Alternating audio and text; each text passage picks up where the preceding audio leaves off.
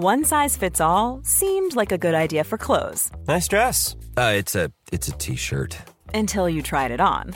Same goes for your healthcare. That's why United Healthcare offers a variety of flexible, budget friendly coverage for medical, vision, dental, and more. So, whether you're between jobs, coming off a parent's plan, or even missed open enrollment, you can find the plan that fits you best. Find out more about United Healthcare coverage at uh1.com. That's uh1.com.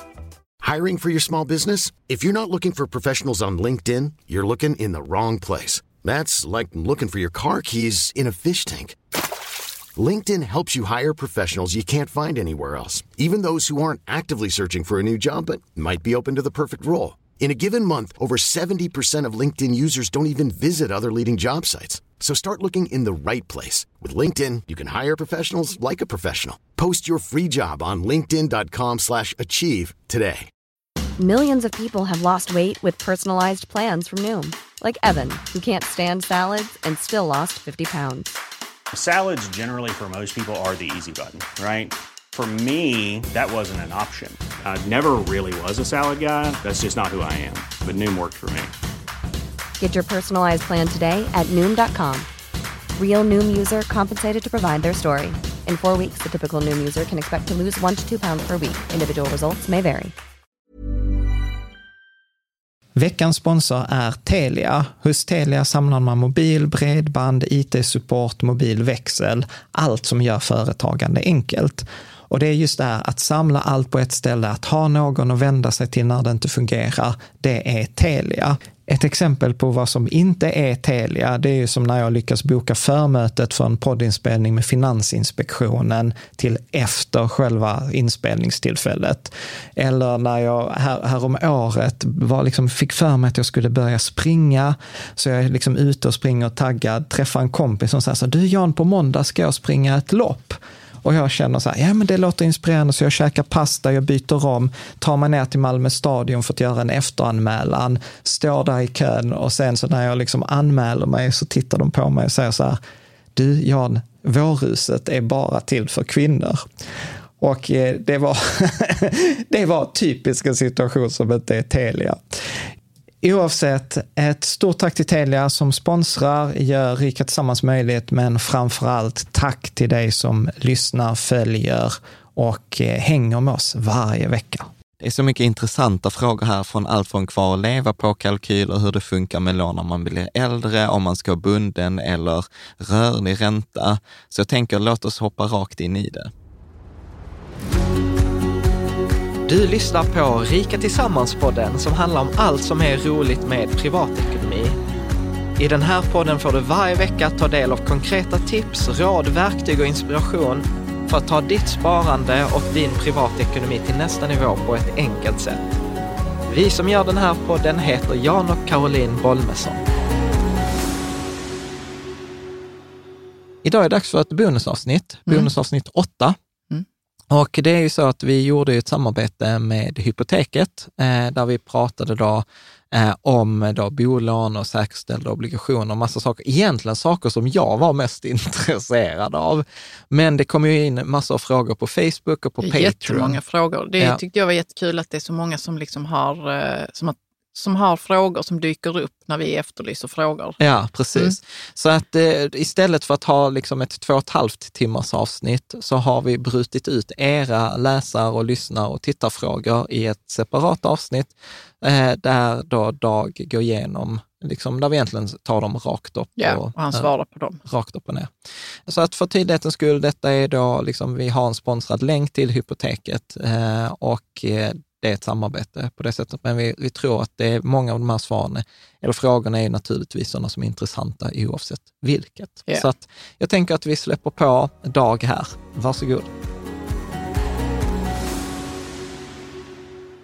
Varmt välkommen tillbaka Dag Vardeus. Du är ju medgrundare till Hypoteket som är en sån här eh, konkurrent till storbankerna när det gäller då bolån. Och eh, vi har ju gjort då ett avsnitt där vi pratade liksom om vad är skillnaden på storbankerna och bostadskreditinstitut och liksom en massa skillnader. Men sen så fick vi ju in typ 50 eh, läsarfrågor på Facebook och Patreon, så i det, detta bonusavsnittet så tänkte jag att vi bara kör läsarfrågor. Ja, men upp. jätteroligt. Det. Eh, så jag tänker, Karo, eh, ska vi, ska vi ta en av de första som var cliffhanger från det Ja, förra? vi tar det. Mm. Vi tar den. Så, för det sa ju du också själv, att en av de vanligaste missuppfattningarna är ju mellan nominell och effektiv ränta. Mm. Så hur skulle du förklara och varför är det viktigt? Ja men precis, alltså det, det är ju en, ehm, om man säger, ofta pratar man ju i annonser. Eh, när, när en bank gör marknadsföring för en kredit, alltså du ska låna pengar, då ska du betala en ränta för den och de kommunicerar då ofta den nominella räntan. Man liksom vill kommunicera den störst eh, som bank, ofta för att eh, i den effektiva så måste du inkludera alla eh, eventuella avgifter som finns eh, i den här, i samband med upplägget. ja, uppläggningsavgift och administrationsavgift. Och Ja, men precis. Exakt. Så, så den blir i regel alltid högre. Mm. Eh, ofta ser man ju, det kan ju stå eh, räntefritt, det kan ju stå 0% i nominell ränta, men effektiv ränta 20 Mm. Och så, hur kan det komma sig? Jo, men det är så, men du lånar, så du lånar 10 000 kronor, du ska betala tillbaka dem om ett år, du betalar ingenting i ränta under det året, men du betalar 300 kronor upfront Mm. i en slags, de kallar det en uppläggningsavgift eller vad som helst. Ja, men då har du betalt 300 kronor för att få låna 1000, eller få låna 10 000 i ett år. Mm. Så då kan man ju säga att de 300 är ju en del av räntan. Liksom.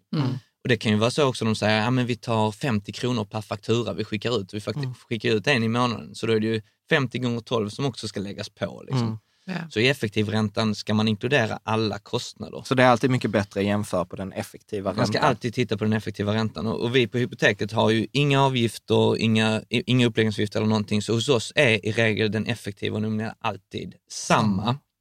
Så när som på att det finns en liten eh, räkne, och så är det alltid med effektiva och nominella, den effektiva blir, låt säga vi har 1,29 nominellt på ett år, då blir den effektiva 1,30. Så är det, så är det liksom hos alla och det handlar om en periodiserings, det är liksom en, en, en räkneövning som gör det, att du lånar det, när man pratar om räntor så pratar man ju på ett år, men du betalar de här liksom månadsvis. Och när man räknar om det så blir det en liten, liten diff, Diff. På, på decimalen. Mm. Men den är, den är ju mindre intressant. Det som är intressant är om det döljer sig några kostnader Mm. utöver räntan. Mm. Eh, så- Ja, men det, är det, det, effektiv precis, det där är ju Absolut. viktigt ofta på, inte bara på bolån, utan när man kollar på andra typer av lån. Ja, och snarare faktiskt andra typer av lån, för, för bolånegivare har sällan stora, alltså ofta har man ingen uppläggningsavgift. Det Nej, och sen, och sen är har den ofta väl så liten i förhållande till lånebeloppet så att det blir, eh, blir skillnad.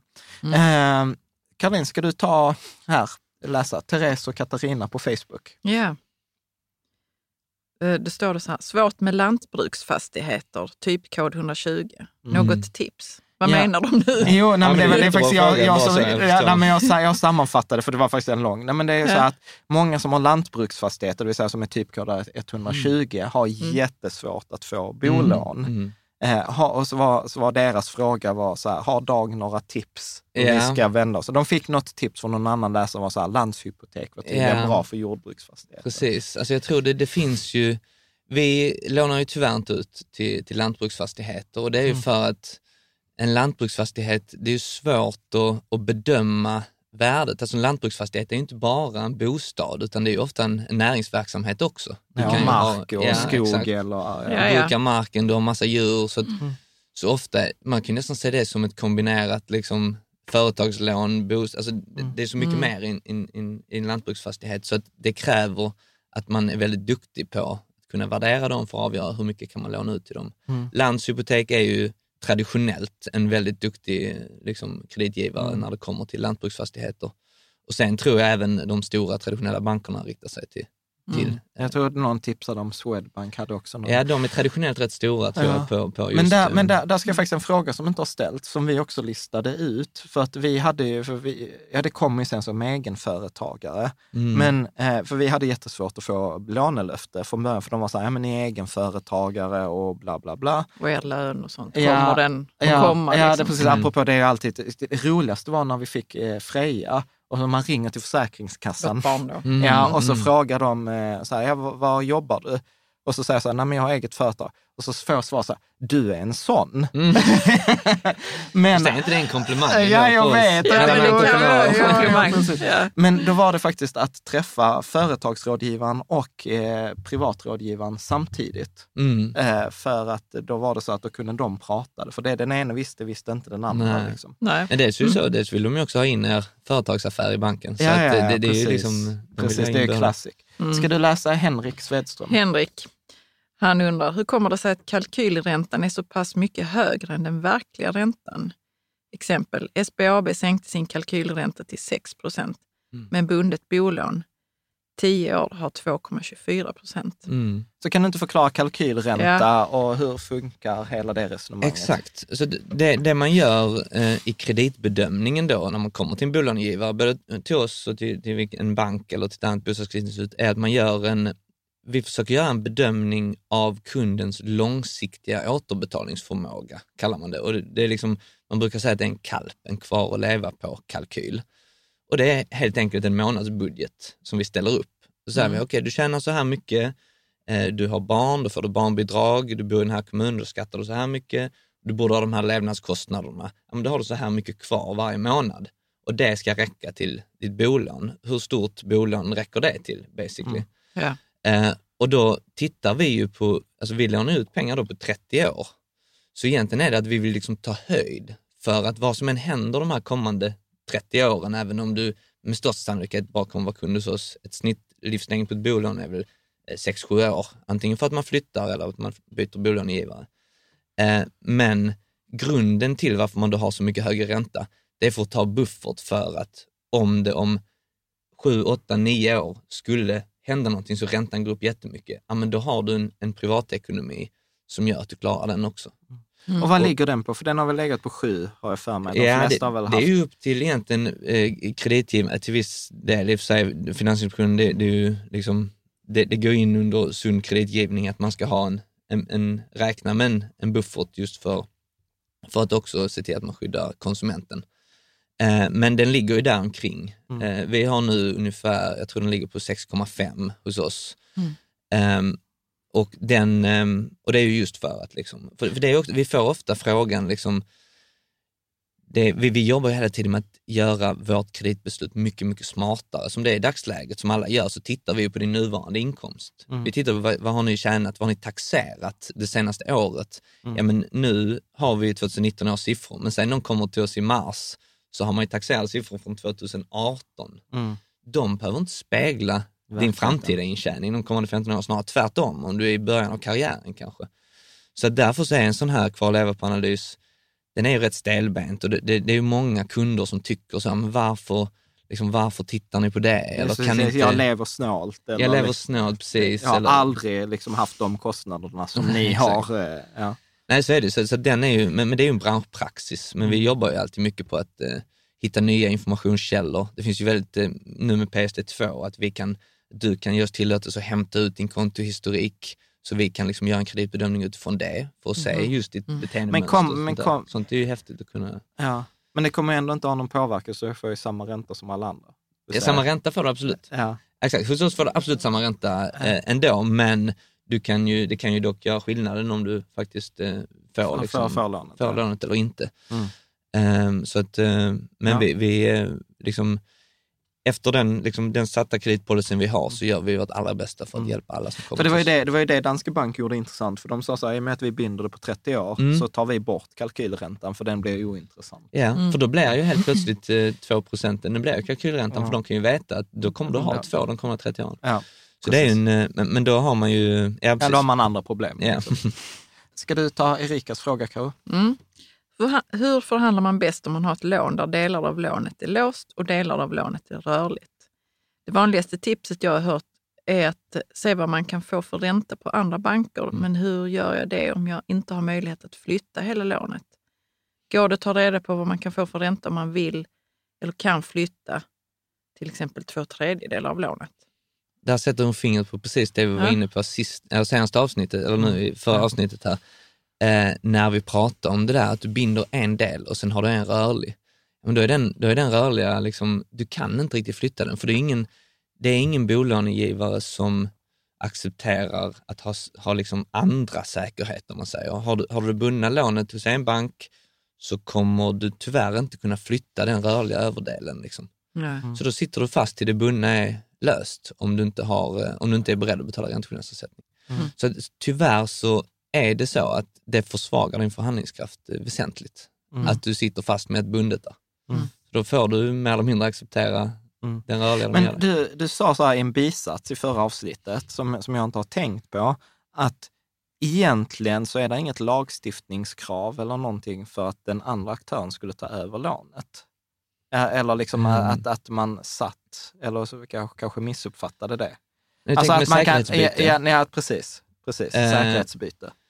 Eller nej, förlåt, ja, precis. Säkerhetsbyte handlar ju om att du, det är ju snarare om du ska flytta, om du ska, ni ska byta hus, Aha. men ni har bundet lån, alltså Ja. ni kan ta med lånet på det nya. Ja. Eh, och det, det är inte många som erbjuder det, om ens någon gör det idag. Okej. Men det var nu det jag Ja, syftade det är, på. okej, precis. Att, att du kan då, ha- säg att du har ett bundet lån och du flyttar från ditt hus, så får du liksom flytta med det. Alltså man byter säkerhet. Okej, men då bortser vi från det. Ska du ta Stefan Malmgren på Facebook? Ja. Ska man amortera ner hela bolånet eller är det smartare att börja spara vid en viss belåningsgrad? Mm. Då ska jag säga min åsikt, så ska vi se om Kör. du har samma. Min, min, jag brukar ju säga så att man, jag tycker att amorteringskravet är ganska bra i Sverige. Så jag brukar säga, följ amorteringskravet men överamortera inte. Om, när, alternativ, när överamorterar man då? om man amorterar mer än man måste. Så om Ja, jag måste det är- amortera 1000 kronor och jag amorterar 1500, då överamorterar jag. Ja, ja. Men det brukar jag säga, om pengarna överamorterar, om du konsumerar, då är det bättre att amortera. Men om du investerar så är det bättre att investera än amortera. Jag vet inte om Ja. du håller med? Nej, det, det är ju helt, eh, helt precis exakt så. Jag menar pengarna har ju, liksom när du sänker ditt lån, eh, bolån, så sänker du också räntan kommande perioder. Mm. Och eh, så man får ju jämföra den räntan du har på ditt bolån med en eventuell, att stoppa de pengarna i en investering som ger en högre ränta. Mm. Då är det ju egentligen teoretiskt i alla fall mer värt att stoppa dem i den investeringen. Sen medför det ju, alla investeringar medför ju en risk, det vill säga en volatilitet som gör att du inte, du inte säkrar den räntan i, en, i en investering kanske. Men så är det ju, så därför håller jag med dig helt och hållet. Och sen så är det ju kanske innan man börjar fundera på, ska jag amortera ner lånet eller ska jag, ehm, ska jag investera pengarna? Så är det ju liksom kanske första steget att fundera på, har jag en buffert? Alltså speciellt i dessa tider så är det ju väldigt relevant att har jag en buffert eh, på banken som är likvid, det vill säga om jag skulle bli av med jobbet imorgon, har jag så jag klarar mig kanske ett halvår eller sådär, så jag hinner söka nytt jobb och hinner få det. Så det är nog först, alltså, se till att du har det. Mm. Som du kan, det kan ju vara liksom, att du har dem relativt likvid så du får ut dem fort. Men har du den som första steg, då blir ju frågan, liksom, okej, ska jag amortera av lånet eller ska jag investera dem i någonting? Mm. Liksom? Och du ska aldrig invest- investera mer än, vad du har, än att du har kvar den bufferten. Mm. den bufferten ska man ha som grundregel att inte Mm. spekulera med, utan Mm. den är ju liksom din... Skönt, vi säger exakt samma sak. Ja. Vi, har ju, vi kallar ju för bufferthinken. Som ja, bufferthinken är viktig. Ja, precis. Men jag, jag måste säga också en, en grej som jag fick som kommentar på förra avsnittet. Och det var också så här att om man då till exempel byter till er eller man sänker sin ränta, Mm. så alltså man ska verkligen inte underskatta den att, att sänka sin ränta. Särskilt, liksom, så, så, då, då så resonerade den här läsaren Nestor, att ja, situation ett är ju att du kan konsumera den. Då har du liksom ett större konsumtionsutrymme. Men nummer två är ju att du kan ju amortera mer, Mm. liksom med den här mellanskillnaden. Så har du sänkt din ränta med 0,3, ja då kan du använda de 0,3 för att amortera och det tjänar du jättemycket pengar på. Men in, i steg nummer tre så kan du till och med investera dem. Mm. Och då får du liksom en effekt så att kanske den där timmen det tar att, eller kanske inte ens en timme att byta eller kolla, ja men det kan över en 30-årsperiod vet, så här, innebära en besparing på så här 500 000, Mm. Mm. liksom, i ett räkneexempel som vi gjorde.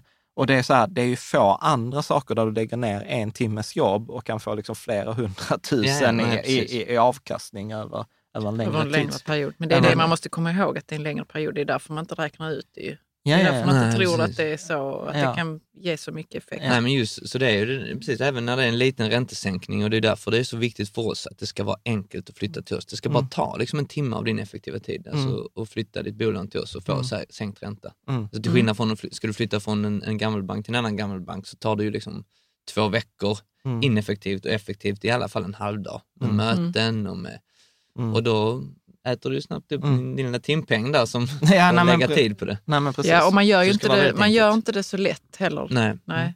Ska vi Ja, ta exakt si-. Simon, Simon. Möller, Simon Möller på Facebook?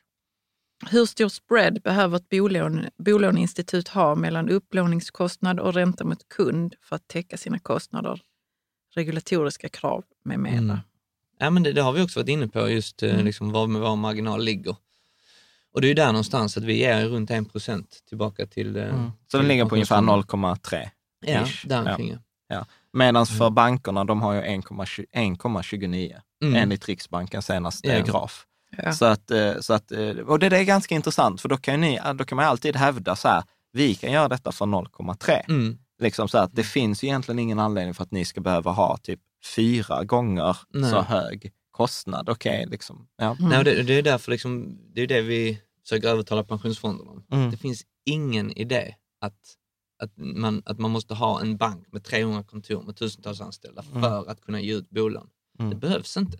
Mm. Liksom, vi har exakt samma regelverk, samma krav Mm. på oss när det kommer till kundskydd, när det kommer till lagen om alternativa investeringsfonder under Mm. vilka våra fonder förvaltas. Mm. Det är ju liksom lika rigid. Mm. Så att, ehm, absolut, Mm. vi, Mm. vi klipper ju bort banken som du mellan, mellanhand. Det är ju, Sen en fråga från Martin på Patreon. Eh, han hade med en så specifik fråga. Så, så här, finns det några skillnader mellan att söka traditionellt bolån och byggkredit? Är det något man bör tänka på innan mötet med banker? mm. Jag tror de skulle bygga hus. Vad är byggkredit? Ja, de skulle bygga hus. Precis. Så byggkreditiv. Då Mm. får du lån. Får man ett speciellt lån då? Ja, eller? alltså, om, jag, om jag inte minns fel när vi gjorde det i en styrelse så är det så att du betalar byggarna så var, var tredje månad eller Mm, man betalar mm. vissa saker i förskott. Så du betalar liksom inte hela huset samtidigt. Nej.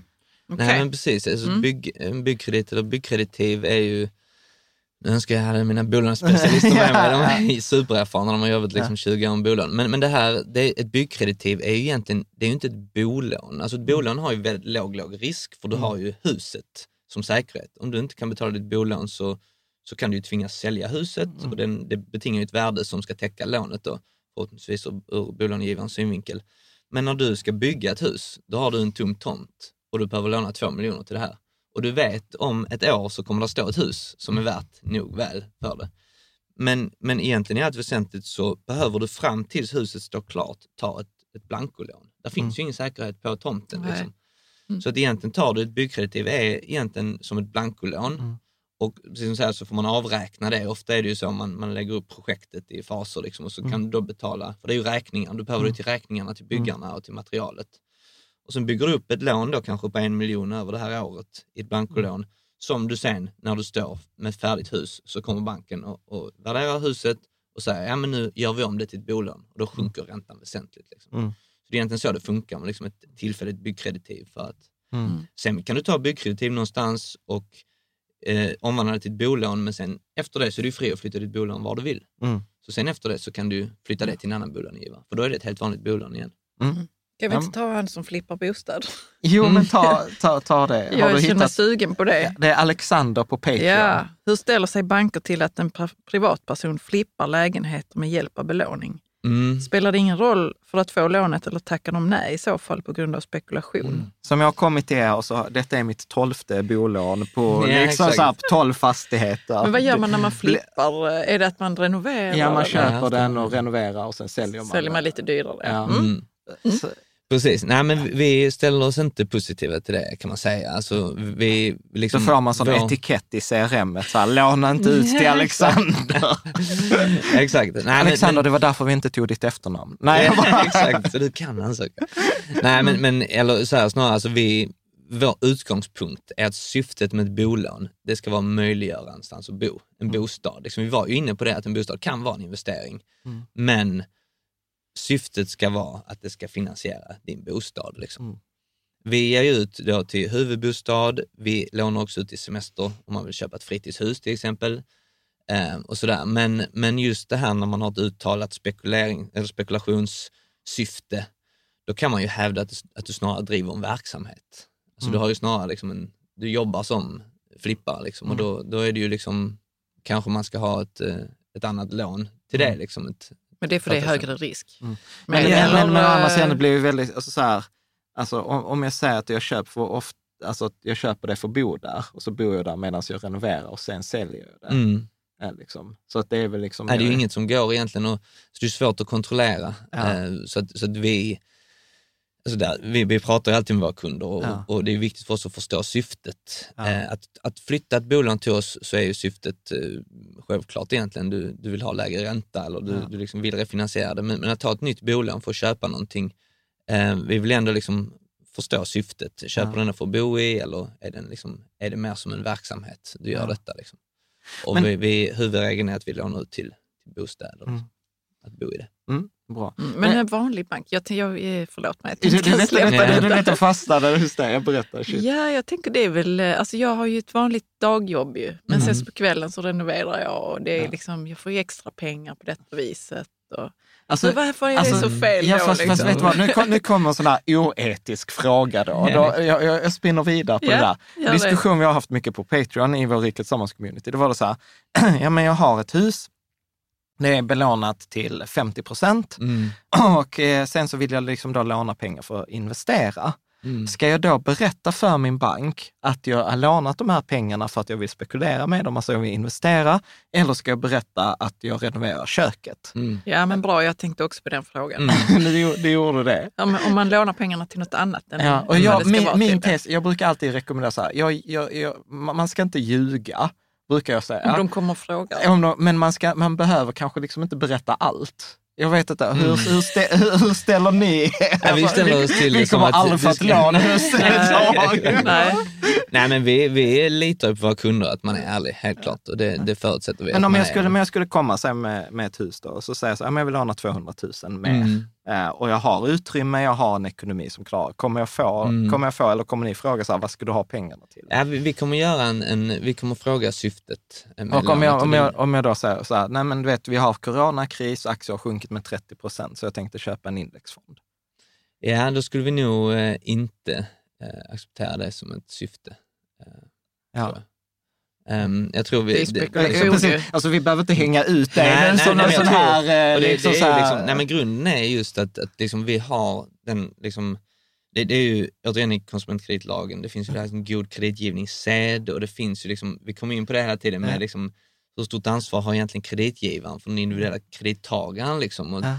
och jag är också liksom, i mig själv egentligen väldigt liberal och tror på den individens liksom, kunskap och att individen får tillskansa sig den information man behöver för att fatta ett, beslut. Ja. Men med så här stora frågor, ofta när det rör sig om ens boende och det är jättestora affärer, Ja. du behöver ett stöd i en, en bolånegivare som du kan lita på Ja. Mm. och som, liksom, som ändå på något sätt checkar av och ser till ditt bästa. Att det är inte kanske så, liksom, de här pengarna, du ska låna dem till en bostad. Liksom. Ja. Och just amorteringen också. Där ger ju till och med sig staten in i, i, en, i en relation mellan en bolånegivare och en konsument och säger hur man borde göra för att det ska vara hälsosamt. Just att du ska amortera. Liksom. Ja. Det kan man också ifrågasätta eh, statens eh, inblandning i det. Men, men sen är det ju, med det sagt är det ju jättebra att amortera, liksom, Mm. som vi var inne på nyss. Mm. ja, precis. Mm. Bra. Mm. Jag- har vi av, jag ty- avhandlat den ja. här Ja, men precis. Ja, du, du, så här, så här, Dag kan inte säga något annat än det han Nej, säger. men, nu. nej, men det är väl jättebra, det är som det ska vara. Ja. Men du, en, en annan, nu nu kommer så här privat fråga här eh, som faktiskt rör oss. Vi, till exempel, vi köpte vårt hus 2016. Mm. Det var precis efter att eh, de här nya amorteringskraven och det kom in. Mm.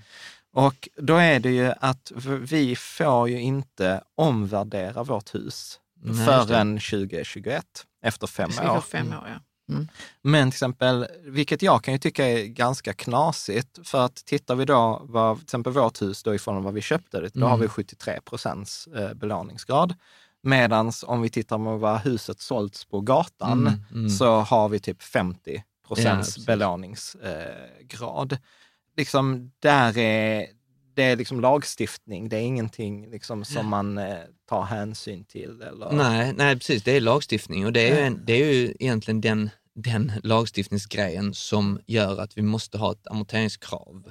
Eller förlåt, Ja, ett ja, amorteringsunderlag, det här pappret. Det är Ja. det att ni måste ta med det, för vi måste veta vad er nuvarande bank värderade till för Ja. fyra år sedan. Ja. Men alltså vi vill ju, det, det kan ju vara mer rättvisande att värdera det nu. Mm. Men det kan ju också vara att, att det då kommer en tillfällig eh, dipp eller ja. någonting som man då utnyttjar och värderar om det för att... eh, för Men att sen, liksom komma sen, ner- ja, men sen upp- upp- upp- 2021, ner- då kommer vi inte få värdera om det så här 2026. Nej, precis. Eh, Då är det, det är vart femte år, så då är det 2026 som är nästa gång ni får värdera om det. Så då är det ju nästan lika bra så att nej, men då vill vi inte värdera förrän kanske 2022.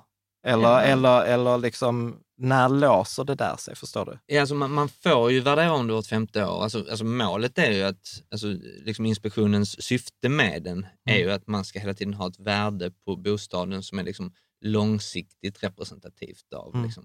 Men, men det kan man ju diskutera om det är att sätta vart femte år eller vad Mm. det är. Men man vill i alla fall man, man vill överbrygga eventuella liksom, kortsiktiga fluktuationer. Mm. Så det är därför man har sagt vart femte år. Men, Mm. men så är det, då är det ju vart femte år. Det, Mm. det är liksom, ja, nej, man kan Det- ifrågasätta det som, eh, Ja, som det- liksom, jag tycker det är lite konstigt. Ska vi, eh, eh, ska vi ta Mia? Ja, Mia. Mm. Ja. Det jag är nyfiken på, eh, på är om det är för varje individ i bankerna, vänta vad står här? Alltså, så jag, kan, jag kan ta den. Jag för tar du jag, den för du har skrivit... eh, Ja, men detta är Mia. Detta är heller inte ert på hypoteket som alla får samma ränta. Men, Mm. men detta är en sån här bankfråga. Så detta är Mia. Hon skriver så här. Det är jag nyfiken på, om det är varje individ eh, liksom på en sån här storbank som går på känn, liksom vad man får, eller finns det liksom riktlinjer?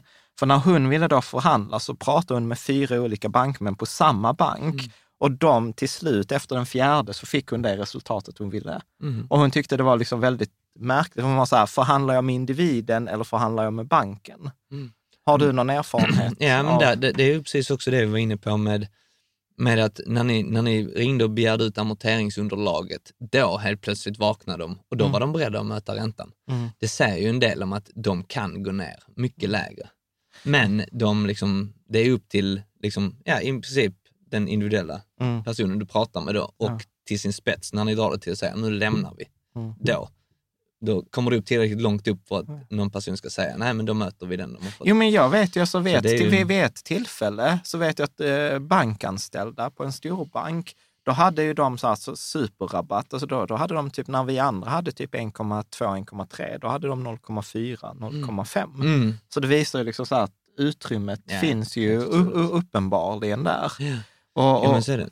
ehm, Jo, men eh, hon frågar ju om de går på känn eller vad Ja. det är de gör. Nej, de, de, utgår bedömer från, liksom. Nej, jag skulle säga, jag tror att de har, alltså, alla banker säger att vi har individuell riskbedömning, Mm. men på den nivån räntorna är idag så är risk, eh, riskpremien som är på, på liksom hur den Individen. ja, den är liksom, det är inte den stora skillnaden mellan om du har 2,0 eller 1,5. Det är inte beroende på risken, utan det är, skulle jag säga, individ, individen som du pratar med på banken. Ja. Mm. Och Och, individen och, vilka, och, det värsta är så här, vilket självförtroende jag har som Ja. Jag konsument i den och- förhandlingen. Mm. Mm. Liksom. Där alltid, det är ju liksom, man vet ju den bästa förhandlingstekniken är att spela hardball. Det är bara att Ja. säga, nej men jag lämnar. Ja. Jag går nu, så går man ut genom dörren. Ja. Då kommer de efter. Ja. Det är ju liksom Ja, men det är ju precis, och och, det är som vi pratade om i förra avsnittet, det är ju ganska tragiskt. Att Ja, det ska, att, exakt, att du det ska behöva vara, att vara så. Och vi fick, ju, alltså så här, vi fick ju en helt sjuk ränta. Vi fick ju på Swedbank, vi fick ju 0,89. Mm. Vilket är ju så här helt sant, men det var ju för att vi hade en färdigt avtal med Nordnet som var 0,99. Mm. Så vi var ju på väg att flytta till Nordnet och stannade i dörren. Mm. För att Ja. sen blev det bara bekvämt. Ja, och du ska också, alltså det, det, Och det- sen det var- också det faktum att ni, att ni har in, in, att ni liksom har influens över andra. Ja, Alltså, fast, jag, fast där, vill så. jag, där vill jag gärna faktiskt uh, tro, jag vet inte, det var inget argument, för jag hade tyckt Nej, det var så onödigt jävla inte. pinsamt. Bara, vet du inte vem jag är? Eller, alltså, Jag hade, på det. Ja, jag hade Nej, skämts igen. Så nej, men nej, jag naturligtvis, fan, eh, nej, precis. Men naturligtvis är det ju inget, inget som ni liksom ligger inget använder i i förhandlingen. Nej, Eh, nej. Men, men det är ju något som de, det är ju naturligtvis viktigt i en konkurrenssituation att ja, Ja, precis. Mm. Eh, ska vi ta, eh, Alexander, detta är en snabb fråga har varit inne på.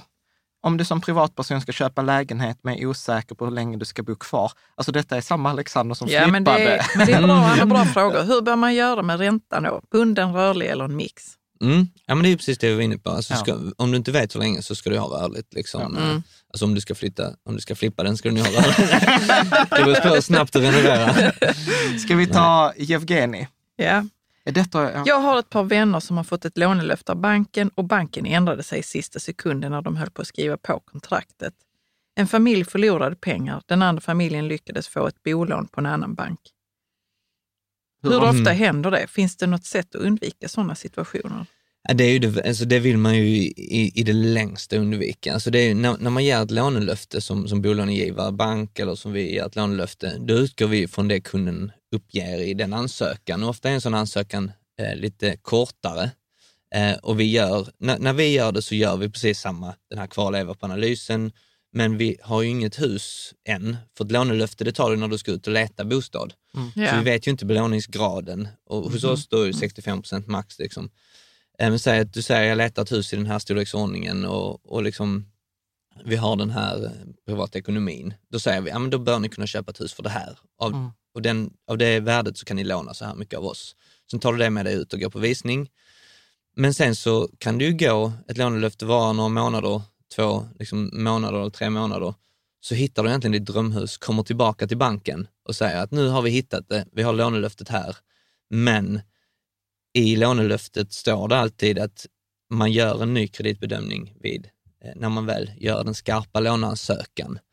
Och i ett sånt här olyckligt fall så är det då att kanske någonting i privatekonomin har förändrats över de här månaderna eller att det fanns någonting som inte avspeglades i, i den här lite enklare lånelöftes eh, bedömningen då. Mm. Så helt plötsligt kommer Precis, någonting ja. fram som inte, som inte var där då och så För jag hade en kompis köpa? som var med om detta också. Det är väldigt men, olyckligt Ja, de, så. de, för de skulle köpa ett hus, men det var en gammal restaurang de köpte. Mm. Och då, då slog banken bakut. Ja. Och det var ju liksom... Ja, det var för dem. ställde ju till Mm. problem. För ofta är det ju det som stoppar att, att, att objektet, för när det gäller lånelöfte så finns det inget objekt, Ja. inget hus att titta på. Sen när Ja. huset kommer så måste ju det också godkännas. Mm. Men detta var roligt för jag, det hade precis hänt när vi köpte vårt och då sa jag det till mäklaren. Du vet, hon var helt oförstående. För jag sa så här, ja men vi kommer skriva på givet att vi får att vi får den här godkänt Mm. av banken. Men hon där, men ni har väl lånelöfte? Jag där, ja vi har lånelöfte. Mm. Titta här, men jag vet ju också att lånelöftet är inte tvingande. Nej. Eller liksom eh, för banken. Exakt. Men Det hade nog aldrig hänt henne. Hon sålde villor liksom. Ja, ja nej, men det är ändå Kan jag bra, mig. men det är ändå bra att veta Mm. att liksom, så här lånelöfte. Du, en så här bara Mm. sidogrej. Jag har en kompis som är mäklare, han säger så att det är många som går så här på, på visning på söndagen och sen söker de lånelöfte på måndagen. Mm. Är det vanligt? Ser Absolut, det? vi ser alltså, bolån också. Vi, är- måndagar, tisdagar är mycket, jättemycket folk som söker. Så det, det finns veckocykler. Ja, det är så. Ja. Ska du ta Erik på Patreon? Egenföretagare och de med inkomster som inte kommer av tjänst har genom åren haft betydligt svårare att få bolån. Hur riskbedöms dessa och hur ser statistiken ut för de med andra inkomster än tjänst? Ser ni fler obetalda lån i den gruppen? Ja, precis. Ja, men vi har ju liksom, vi har ju motsvarande krav där som de traditionella bankerna. Sen finns det ju de här som vi var inne på, Nordax och, och Bluestep liksom i förlängningen, men, men framförallt kanske Nordax som nu profilerar sig som en egenföretagaralternativ. Eh, men, eh, men vi har ju lite samma, att vi, är du egenföretagare så måste vi, vi måste kunna se en historik som gör oss trygga att du också kommer ha eh, liksom motsvarande inkomst framåt, eller förhöjd inkomst framåt, liksom, eh, som ligger på samma nivå eller då stiger. Men skiljer ni, skiljer ni till Mm. exempel på enskild firma och aktiebolag? Ja, vi skiljer, eller vi, vi kan ju till båda, men eh, vi har olika dokumentationskrav då, liksom, Mm. att vi vill ha eh, Precis. I, Men- ett men- aktiebolag så finns det ju alltid årsredovisningar man kan Mm. tillgå, men i Mm. egenföretagare Men nu tittar ni på dem? Eh, ja, vi vill låna ut till, till egenföretagare också, absolut. Ja. Men, men till exempel, för, för, för detta var egentligen problemet för oss när vi Mm. köpte för ett par år sedan. Då var det ju så att vi, vi ligger ju på typ 43 000 eh, innan, innan skatt. Men för att köpa det huset så var vi egentligen tvungna att ligga på mycket högre. Mm. Och då sa han, så här, nej men ni får inte, ni tar ju bara ut 43 000. Och Mm. då hade vi en ganska lång diskussion med banken. Så, ja, men tittar ni på våra årsredovisningar så ser ni att det Mm. finns ett större utrymme. Ja. Det är bara att vi inte haft ett behov. Och till slut så gick det, vi fick höja lönen, det var, det var struligt som Ja. tusan. Men, men det var ju först när de började titta på årsredovisningarna som vi fick igenom vårt Mm. lånelöfte.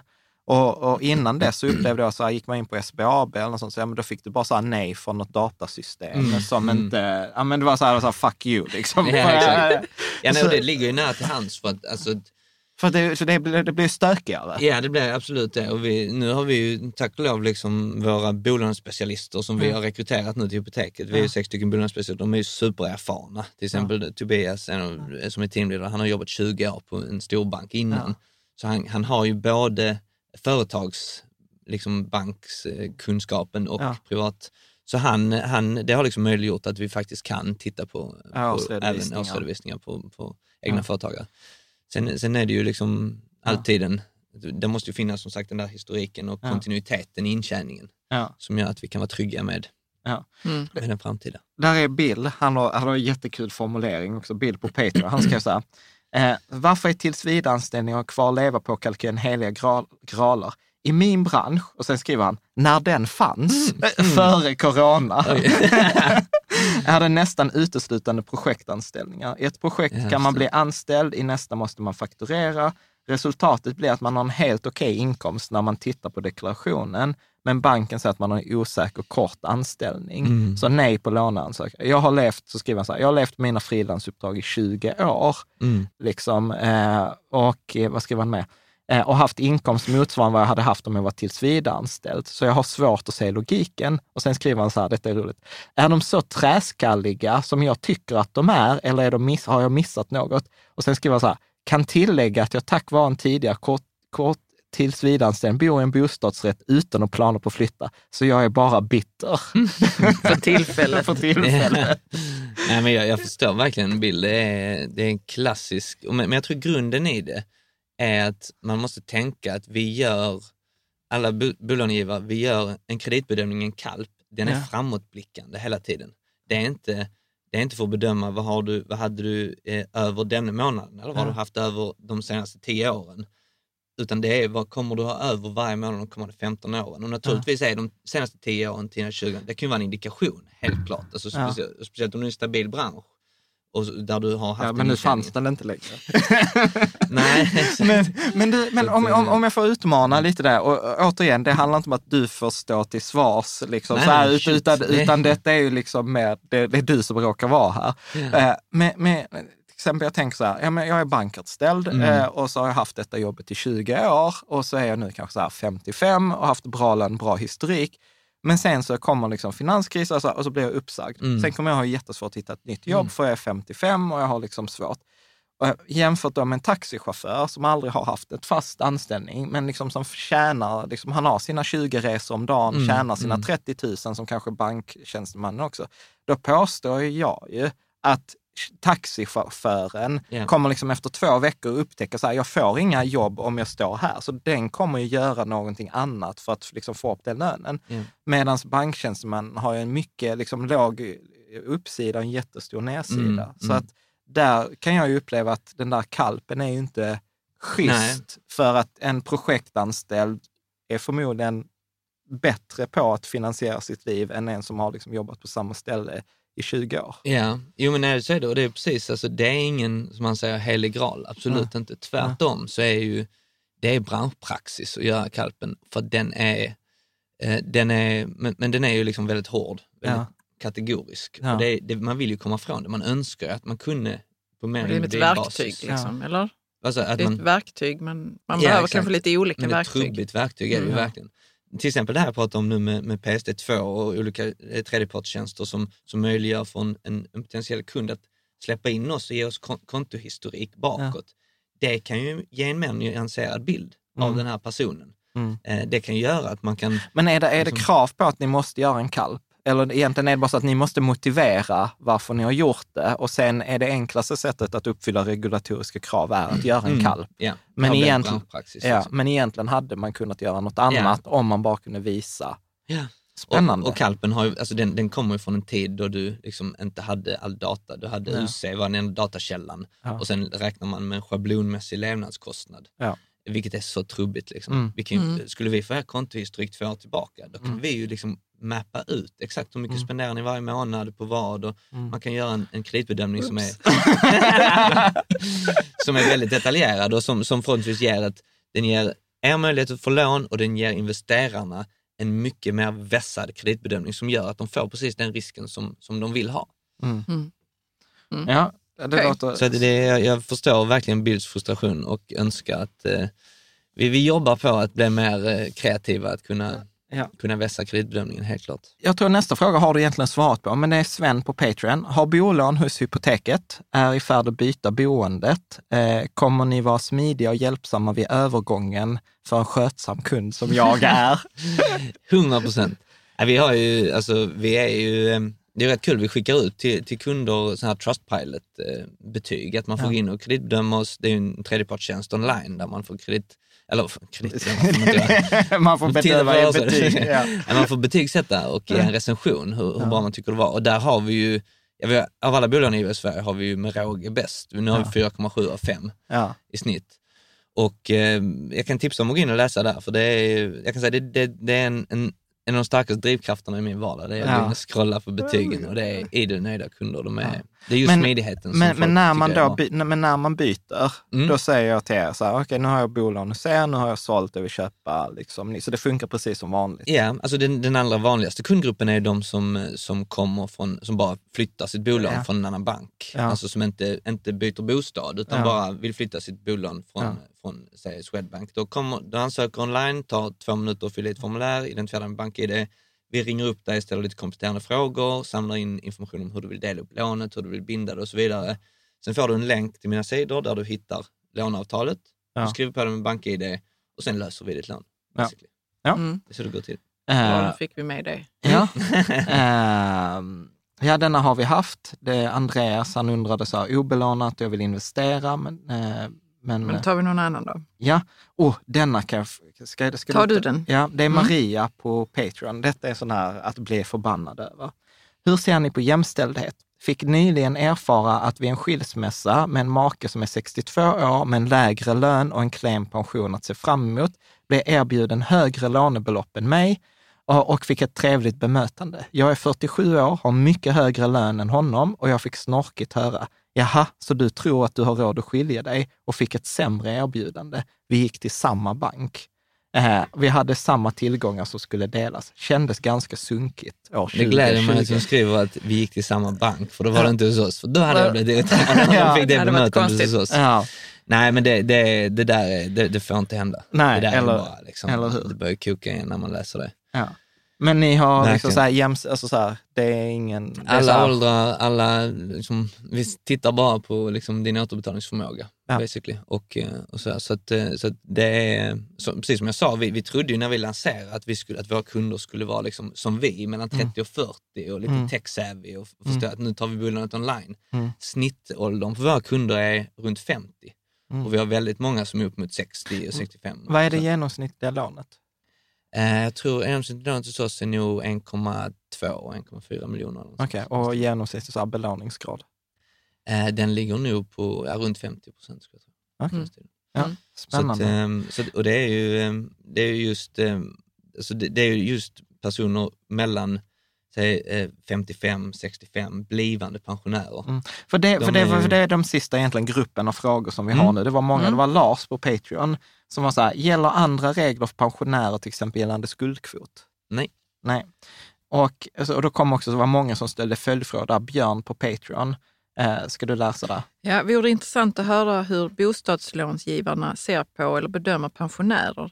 Man får liksom intrycket från media att pensionärer kan ha svårt att få lån. Är det sant? I så fall varför? Mm. Och det Mm. tar oss ju tillbaka till att vår kreditbedömningen, där tittar vi inte på vad tjänar du idag, hur ser din nuvarande situation ut? Utan du ska låna pengar av oss över en lång tid framåt och vi gör en bedömning av din inkomst under lång tid framåt.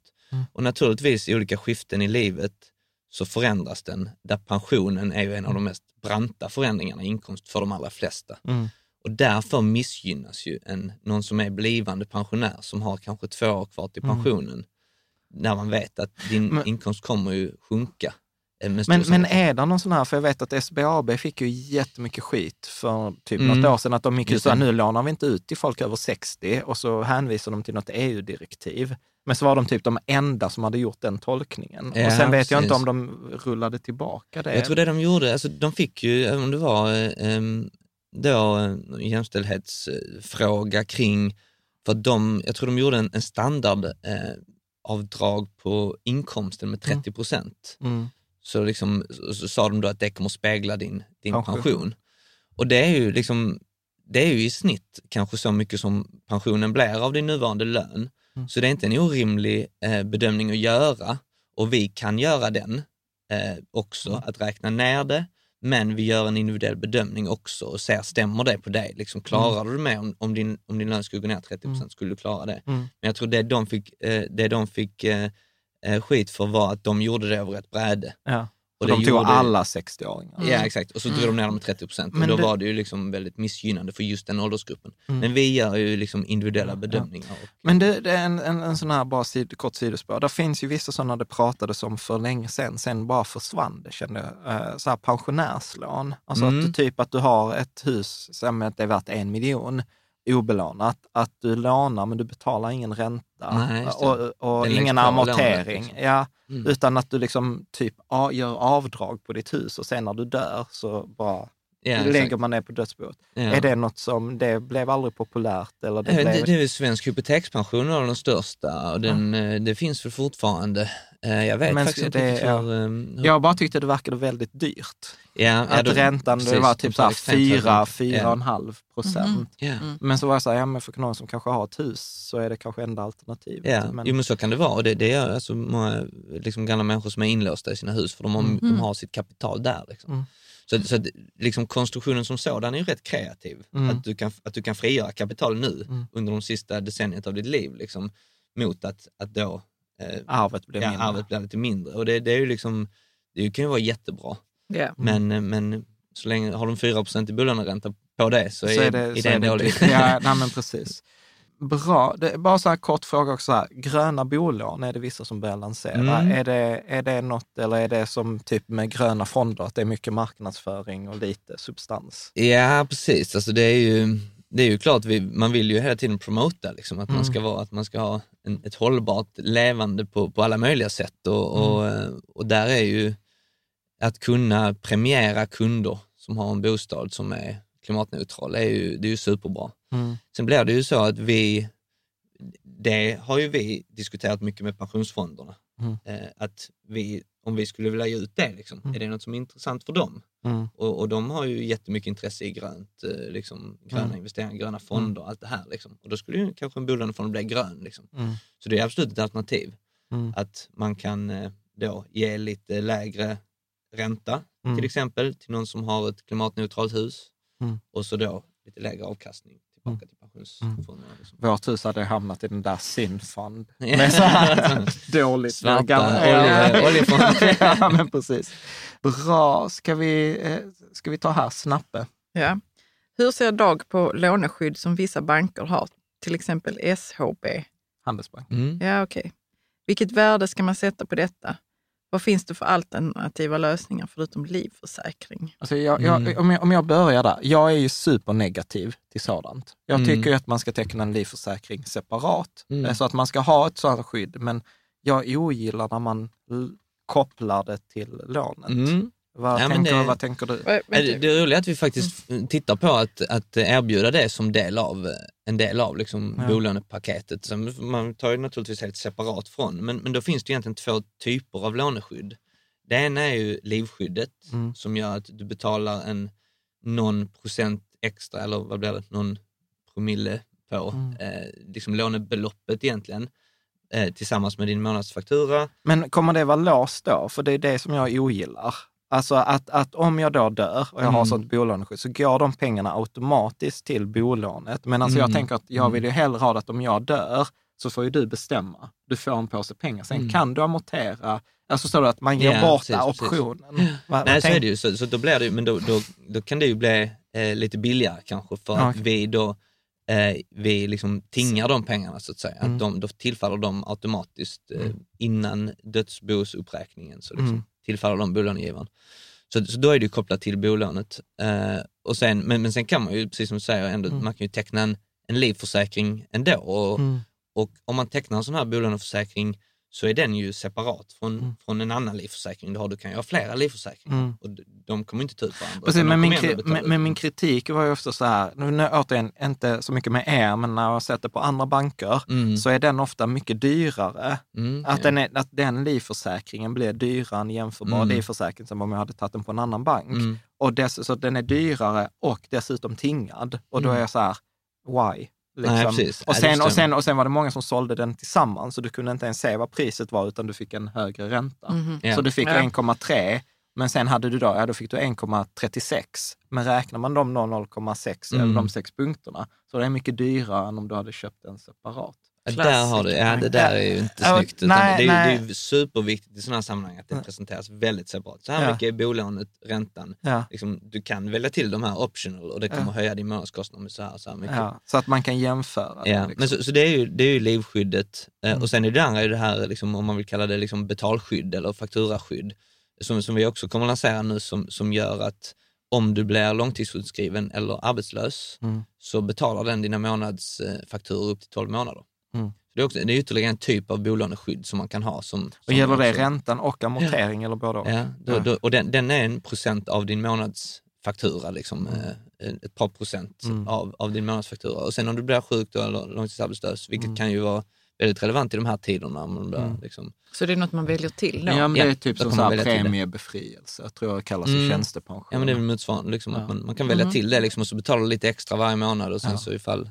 Sånt här är ju klurigt med försäkringar. Alltså. Det är det. Och, man, och Man den ständiga frågan är alltid så, hur tar inte min hemförsäkring det? Ja. Det är alltid, Nej. det är alltid frågan. Och sen kanske inte just i det här fallet, men så om man ska ut och resa. Ja. Det är alltid med försäkringar så är man alltid osäker på, har jag någon försäkring för det? Eller Ja. har livförsäkring via... Ja, vi har haft mycket diskussioner. Vi har en kompis som är så här, jag är, jag är ju tyvärr, jag är sån sucker för försäkringar. Så jag har ju typ alla försäkringar. Mm. Men så har jag min kompis då, Filip, som är precis tvärtom. Han är så här, ja, försäkring ska du bara ha för sådant som du inte har råd att casha. Mm. Så att säga, har du råd att betala, till exempel så han sa cykel, alltså det finns så här cykelförsäkring om den blir Mm, stulen. mm. Har du råd att betala 1200 kronor självrisk, skit i den försäkringen. Mm. Har du råd att betala? Så, så jag vet att det, vi, har, vi har olika åsikter. Ja, nej, det, kan, det är precis. Det är ju uh, benägen man är. eh, bra. Jag tror en sista fråga här, eh, Max. Eh, Ja. Det skulle vara intressant att höra lite kring varför bostadsrättsföreningar får avsevärt lägre räntor än privatpersoner. Det är i alla fall min erfarenhet från några års arbete Mm. i en bostadsrättsförenings styrelse. Mm. Är det för att underlätta för folk att skaffa bostad eller hålla nere föreningars avgifter? Är det reglerat från statligt håll kanske? Är det inte bara så långt att lånet är mycket större? Lånet är jättemycket Lånet större. större. I regel Mm. tar ju de, liksom, det kan vara 50 miljoner och 100 miljoner i lån liksom, till fastigheten. Så att, eh. Det är nog en stor, största svaret på frågan faktiskt. Ja. Mm. ja, men det var alla eh, frågorna. Och jag vet ju också att du har sagt att på, på er hemsida hypoteket.com, eller man kan använda vår sponsrade länk, där har ni också så här chattfunktion. Mm. Så att är det någon fråga som vi här har missat, eh, eller kanske till och med kan be någon av er gå in på Facebook-sidan och svara Ja, på några absolut. av de eh, frågorna. Så Det fantastiskt stort tack Dag Mm, för att tack du har själv. ställt upp här och pratat Jättekul. i två timmar, svarat på Mm. frågor och diskuterat. För dig som inte har hört det andra avsnittet med Dag där vi går igenom liksom exakt skillnaderna, hur det funkar, så rekommenderar vi det avsnittet såklart också. Och jag hoppas att vi får bjuda tillbaka dig Mm. senare och prata ännu mer om det här. Ja, det hoppas jag också. Tack så Kommer mycket. jättegärna tillbaka. Tack. Tack så jättemycket.